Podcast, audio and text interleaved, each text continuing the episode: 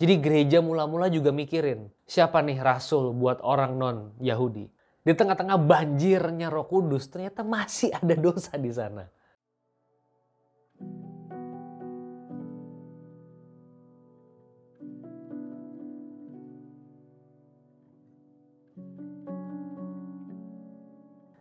Selamat hari Minggu, Shalom Bapak Ibu Saudara. Hari ini firman Tuhan terambil dari kisah Rasul Kisah para Rasul pasal 11 ayat yang ketiga. Kata mereka, engkau telah masuk ke rumah orang-orang yang tidak bersunat dan makan bersama-sama dengan mereka. Saudara kisah Rasul 11, kelanjutan dari kisah Rasul 10. Di pasal 10, Petrus datang memberitakan Injil, menginjakan kaki di rumah orang yang Gentiles atau non-Yahudi atau dipandang kafir sering kali, yaitu seorang perwira Itali namanya Cornelius. Perbuatan itu patut e, dipertanyakan oleh kolega-kolega Petrus. Mengapa kamu memberitakan Injil di rumah orang non-Yahudi? Karena orang non-Yahudi dianggap bukan umat Allah. Kafir, tidak percaya kepada Yahweh.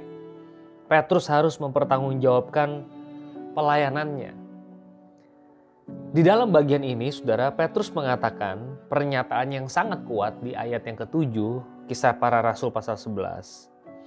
Jadi jika Allah memberikan karunia-Nya kepada mereka sama seperti kepada kita pada waktu kita mulai percaya kepada Yesus Kristus, bagaimanakah mungkin aku mencegah dia? Saudara, pelayanan Petrus di rumah Cornelius itu disaksikan oleh enam orang saksi, orang Yahudi. Saudara bisa lihat di ayat ke-12 di sana pelayanan ini sungguh-sungguh pelayanan yang dikehendaki Tuhan, bukan dikehendaki oleh Petrus semata. Dan ini menimbulkan konflik, ketegangan di tengah jemaat mula-mula karena kultur mereka, karena tradisi Yahudi mereka yang begitu kuat. Saudara ada beberapa perenungan yang bisa diambil dari kisah para rasul pasal kisah para rasul pasal 11 ini. Yang pertama, di ayat yang ke-18.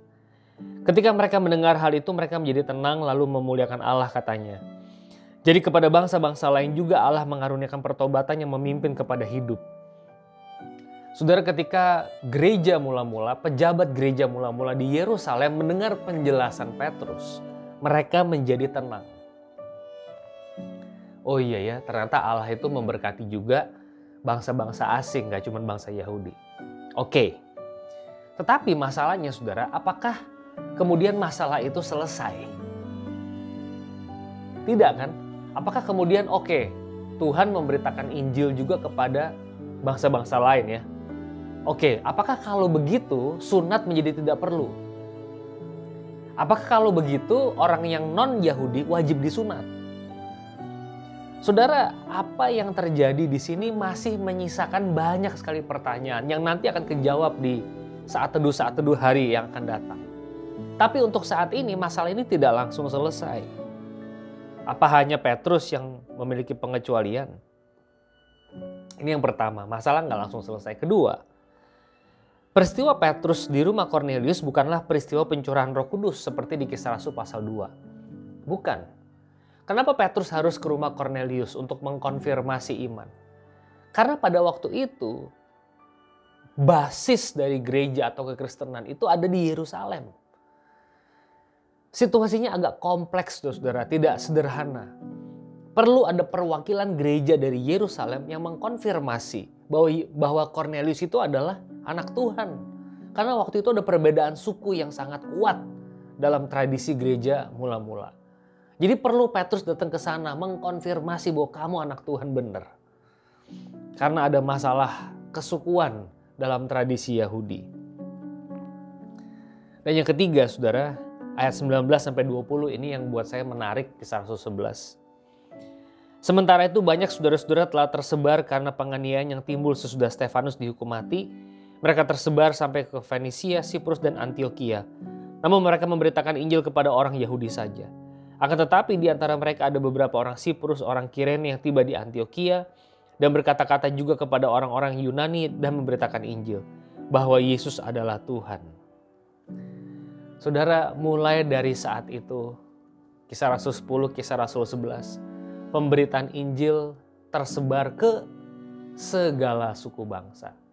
Saudara kalau baca ayat 22 sampai 26, Kisah Rasul 11, gereja dengan induk di Yerusalem itu mengutus Barnabas. Dan nanti Barnabas akan mendampingi Saulus atau Paulus untuk memberitakan Injil. Jadi gereja mula-mula juga mikirin, siapa nih rasul buat orang non Yahudi?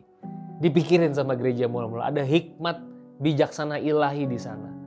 Nggak bisa uh, apa namanya ya udah pokoknya penginjilan aja. Tapi ada strategi yang dilakukan oleh gereja mula-mula dalam hikmat ilahi mengutus Barnabas dan Paulus ke sana.